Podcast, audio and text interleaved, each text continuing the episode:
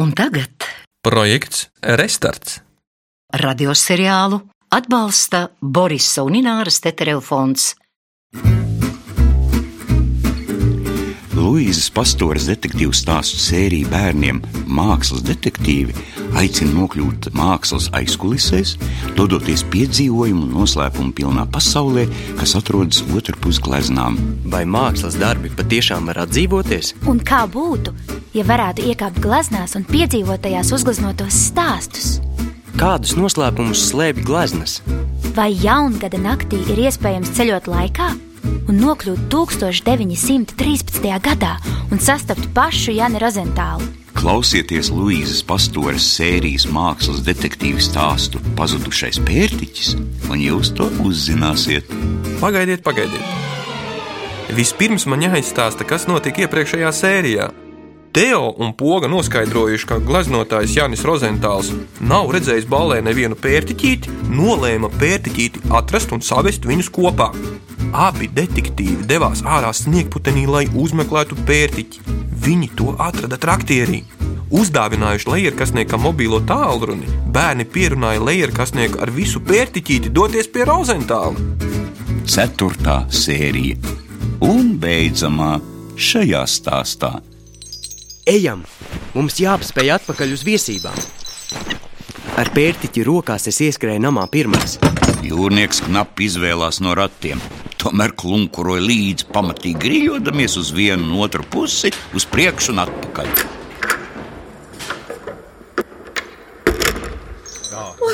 Oi, mīlulī, cik āporošu! Paskaties, ko! Dāmas man sagaidīja ar neviltotu sajūsmu, kasīdamas pērtiķītim aiz auss un dzindzinādamas viņa astes vārgulīti. Jūrnieks šķitāts mirklī atžirdzis, viņš novilka cepuri, piekārtoja izspūrušos matus un paklanījās. Šīs smalkās dāmas, izglītotie kungi un skaistā māja viņai iedvesa tādu bību, ka viņš pieprasa likās uz pusi mazāks un nekaitīgāks. Nāciet, nāciet, vietas pietiks visiem, uzsauc kungi, un jūrnieks, nervozi ņurcīdams cepuri, pieņēma sadraudzības dzērienu glāzi. No viesību ļaudīm bija palikusi vien kāda desmitā daļa. Par laimi tepat vēl bija mūsu princese. Kamēr viņa stāvēja kamīna gaismā, sapņaini rotaļādamās ar savām pērļu kaklarotām, Jānis Rozentāls viņu skicēja. Tikmēr pārējie, cits kūpinādams pīpi, cits baudīdams mūzikas plates fonā, uzmanīgi vēroja viņu procesā. Telpā valdīja apcerīgs miers. Rūķi! Rūķi! Paskatieties, kas pie mums ciemojas! Elīze kundze parādīja pērtiķīti pārējiem. Es neredzēju telpā nevienu rūķi. Samuls saskatījos ar pogu, bet viņa piesita roku pie pieres. Atcerējos! Lasīju, ka Jānis kopā ar citiem saviem draugiem, gleznotājiem, izveidoja tādu kā slepeno pulciņu, kur viņi visi kopā gleznoja, sprieda par svarīgiem valstiskiem jautājumiem un, nu, kļuva slaveni. Kādu pulciņu? Pulciņu, ko sauca Rūķis. Es vēlreiz uzmetu acis telpai. Diez kāpēc viņi sevi sauc par rūķiem? Nu, droši vien tāpēc, ka viņi ir slepeni. Rūķi taču slēpjas no cilvēkiem. Un tad vēl, varbūt viņi ir ļoti strādīgi, kā darba rūķi. Vēl, Taču poga nepagūda turpināt savus runas plūdus. Par laimi, jo pērtiķīts izrāvās man no rokām un taisnā ceļā aizcilpoja pie princeses, sastinga viņai pie kājām un priecīgi trīcēdams satvēra princeses dārgās pērļu rotas. Visi smējās. Nevienam pat prātā neienāca, ka viņš patiesībā gribēja rotas paņemt, lai atdot savam saimniekam. Tagad izskatījās, ka piemīlīgais pērtiķītis vienkārši gribēja parotaļāties, un princese nemaz neiebilda. Viņa rotaļājās ar to kā ar kaķēnu, kas tvarst medījumu, un smējās. Bet mēs ar pogu tikmēr uzmanīgi vērojām gleznotāju Rozentālu. Kā tev liekas, vai viņš uzzīmēs viņus kopā? noteikti tas ir īstais pērtiķītis no gleznas. Tā jānotiek. Samiedzis acis, Rozentāls ilgi pētīja princeses un pērtiķa rotaļu. Viņš domīgi braucīja ūsas, bet nepieskārās skicēm. Pēc ilgām pārdomām viņš beidzot atsāka zīmēt, te skatīdamies uz pērtiķi, te uz papīru. Visbeidzot viņš apstājās un ar skatienu novērtēja uzzīmēto. Pārējie rūķi atzinīgi saskatījās un uzsita Rozentālam pa plecu. Gleznotais palūkojās uz pogu. Viņa pavisam nevainīgi pasmaidīja un pamāja gleznotājiem. Rozentāls palocīja galvu, tad piecēlās un nāca taisnā ceļā pie mums. Kurš šeit būtu dzīvnieku īpašnieks? Mēs norādījām uz jūrnieku. Tas kā pieķert savā noziegumā palocīja galvu. Lieliski, kungs. Man jums ir piedāvājums. Es jums došu rubli dienā, ja katru rītu atvedīsiet savu mērkaci uz šo dzīvokli. Un, un tālāk? Redziet, es viņu gleznošu. Darbu sauks princese ar pērtiķi. Nav nemaz tik vienkārši Rīgā ieraudzīt kādu eksotisku jūras kaķi, kur nu vēl e, to uzgleznot pēc atmiņas. Jūs neiebilstat? Ko, ko jūs nē? Protams, rīt būšu klāt. Viņš māca arī dejot. Paldies, man pietiks, ja varēšu to vienkārši vērot. Nekas īpaši viņam nebūs jādara, nesatraucieties. Viņi sarokojās, mēs ar pogu pastlepus sadunkājāmies. Mums izdevās! To mēs labi paveicām. Tomēr viņi izskatījās tik noskumusi, kad vēroja princeses un pērtiķa rotaļāšanos, ka es uz brīdi nožēloju, ka beidzot esam tikuši galā ar operāciju P. Taču ne līdz galam. Pazudušais ir, pērtiķis ir, poga arī ir. Vēl trūkst pusnakts. Trīs, četri, uz priekšu!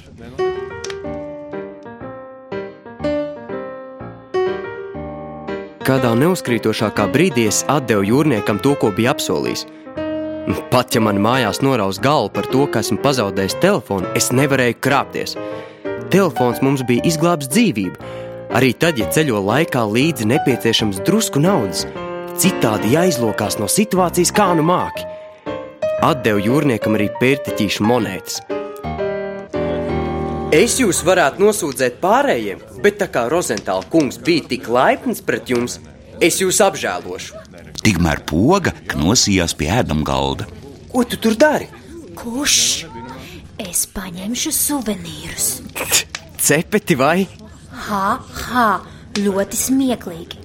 Skaties, Viņa rādīja uz mūsu abu portretiem, kas šovakar tika uzzīmēti uz papīra galdauda. Viņa atrada Jāņa Rozentāla zīmētos un uzmanīgi izplēsa mūs abus no galdauda, atstājot to vietā divus caurumus. lūk, mums būs pierādījumi, ka esam te bijuši. Viņa noteica un uzlika caurumiem virsū divus svečturus. Un ko tagad? No šī jautājuma es biju baidījies visvairāk. Es cerēju, ka operācijas pēc trūkstošais punkts pusnakts nenozīmē, ka mums jāgaida līdz pusnaktī, lai nokļūtu atpakaļ mājās.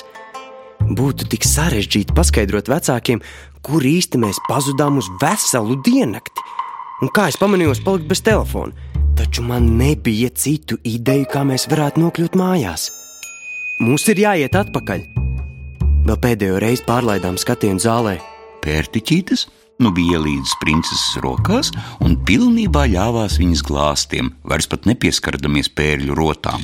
Rūķi apsprieda Jaņa Rozentālu pat radīto melnbalto skici, kurā bija attēlota princese, kuras pavadā rotaļājās atrastais pērtiķītes. Es jutos drusku lepns, ka esmu bijis klāt gleznas dzimšanas brīdī. Senlaicīgais sienas pulkstenis nosita piekto stundu pāri pusnaktī. Mēs piepeši sajūtāmies tik noguruši, ka labprātāk būtu atlūzuši turpat uz dīvāniem, kur jau krāca jūrnieks. Būs labāk, ja mēs iesim. Es nožāvājos, un mēs klusi pametām viesību zāli, ieslīdot baltā kāpņu telpas spirālē, pa kuru bijām nonākuši šai gadsimtā. Gleznojumi uz porcelāna baltajām sienām vēl joprojām izstaroja savu mirdzošo gaismu. Pūdera un cigarešu smarža bija izplēnējusi, bet Teo un poga kāpa lejup vēl lēnāk par liemežiem. Nemaz negribējās steigties atpakaļ. Otrakārt, miegs uzmācās tā, ka nevarēja neatkauties. Pogas tutēja kāpņu telpas sienas un klusi dungoja. Tad savā ierastajā plāpīgumā kaut ko gari, plašu un miegaini stāstīja, pat ja man vispār nebija spēka viņā klausīties. Tādu nogrumu es vēl nekad dzīvē nebiju izjutis.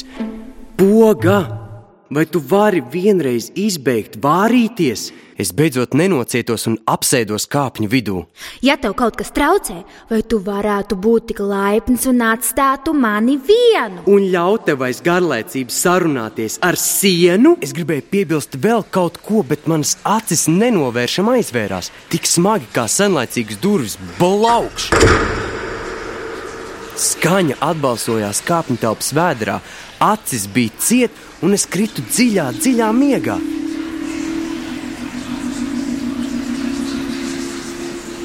Tikai ar pārcilvēcisku spēku piedabūju sevi tās atvērt atkal vaļā.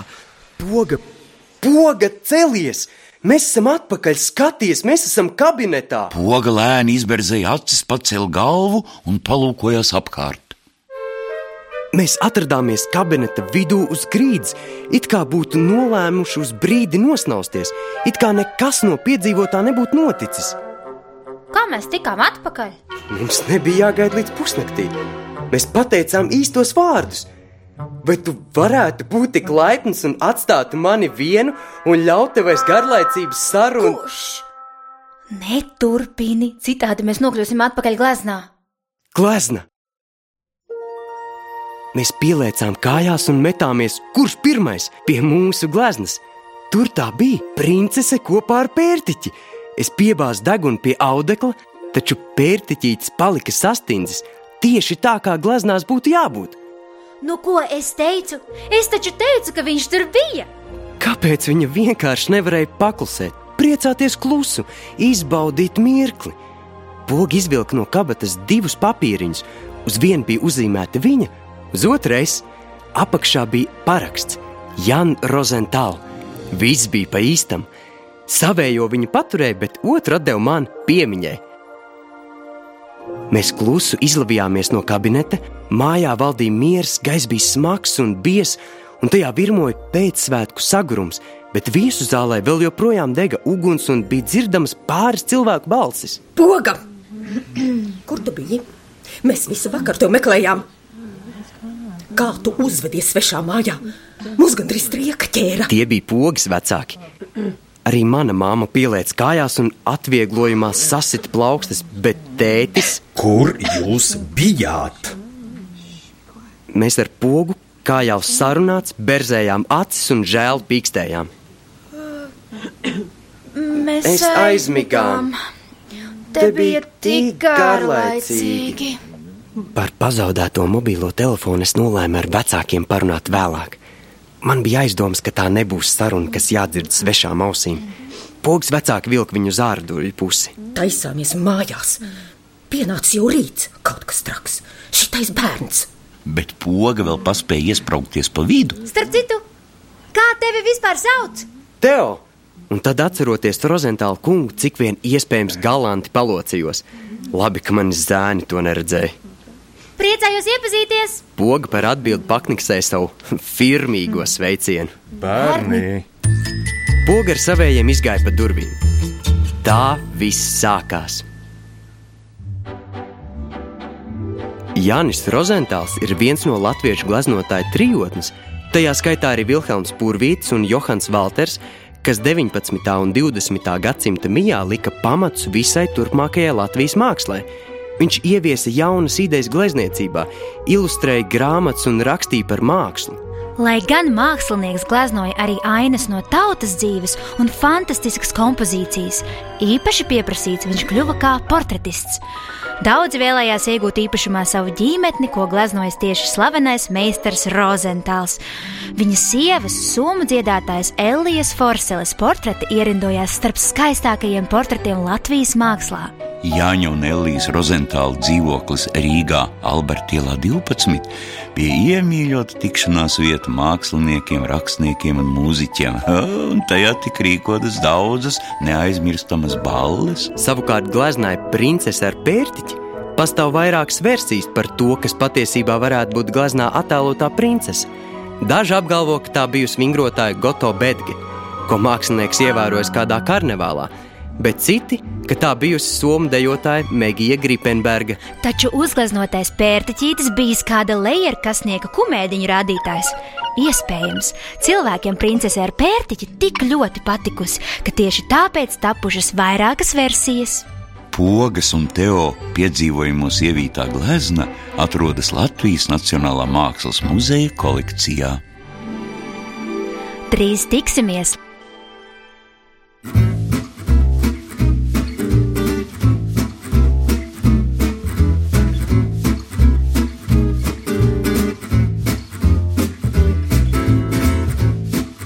Jūs dzirdējāt Luīzes Pastores cikla mākslas detektīvu stāstu Pazudušais pērtiķis.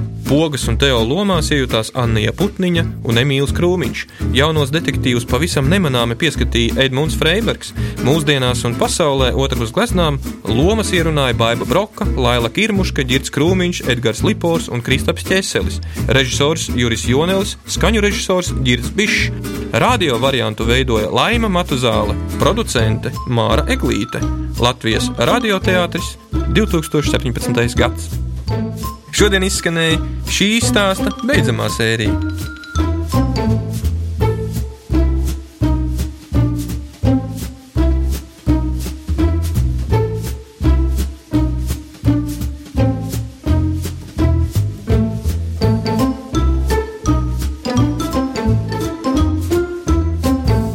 Turpinājums sekos.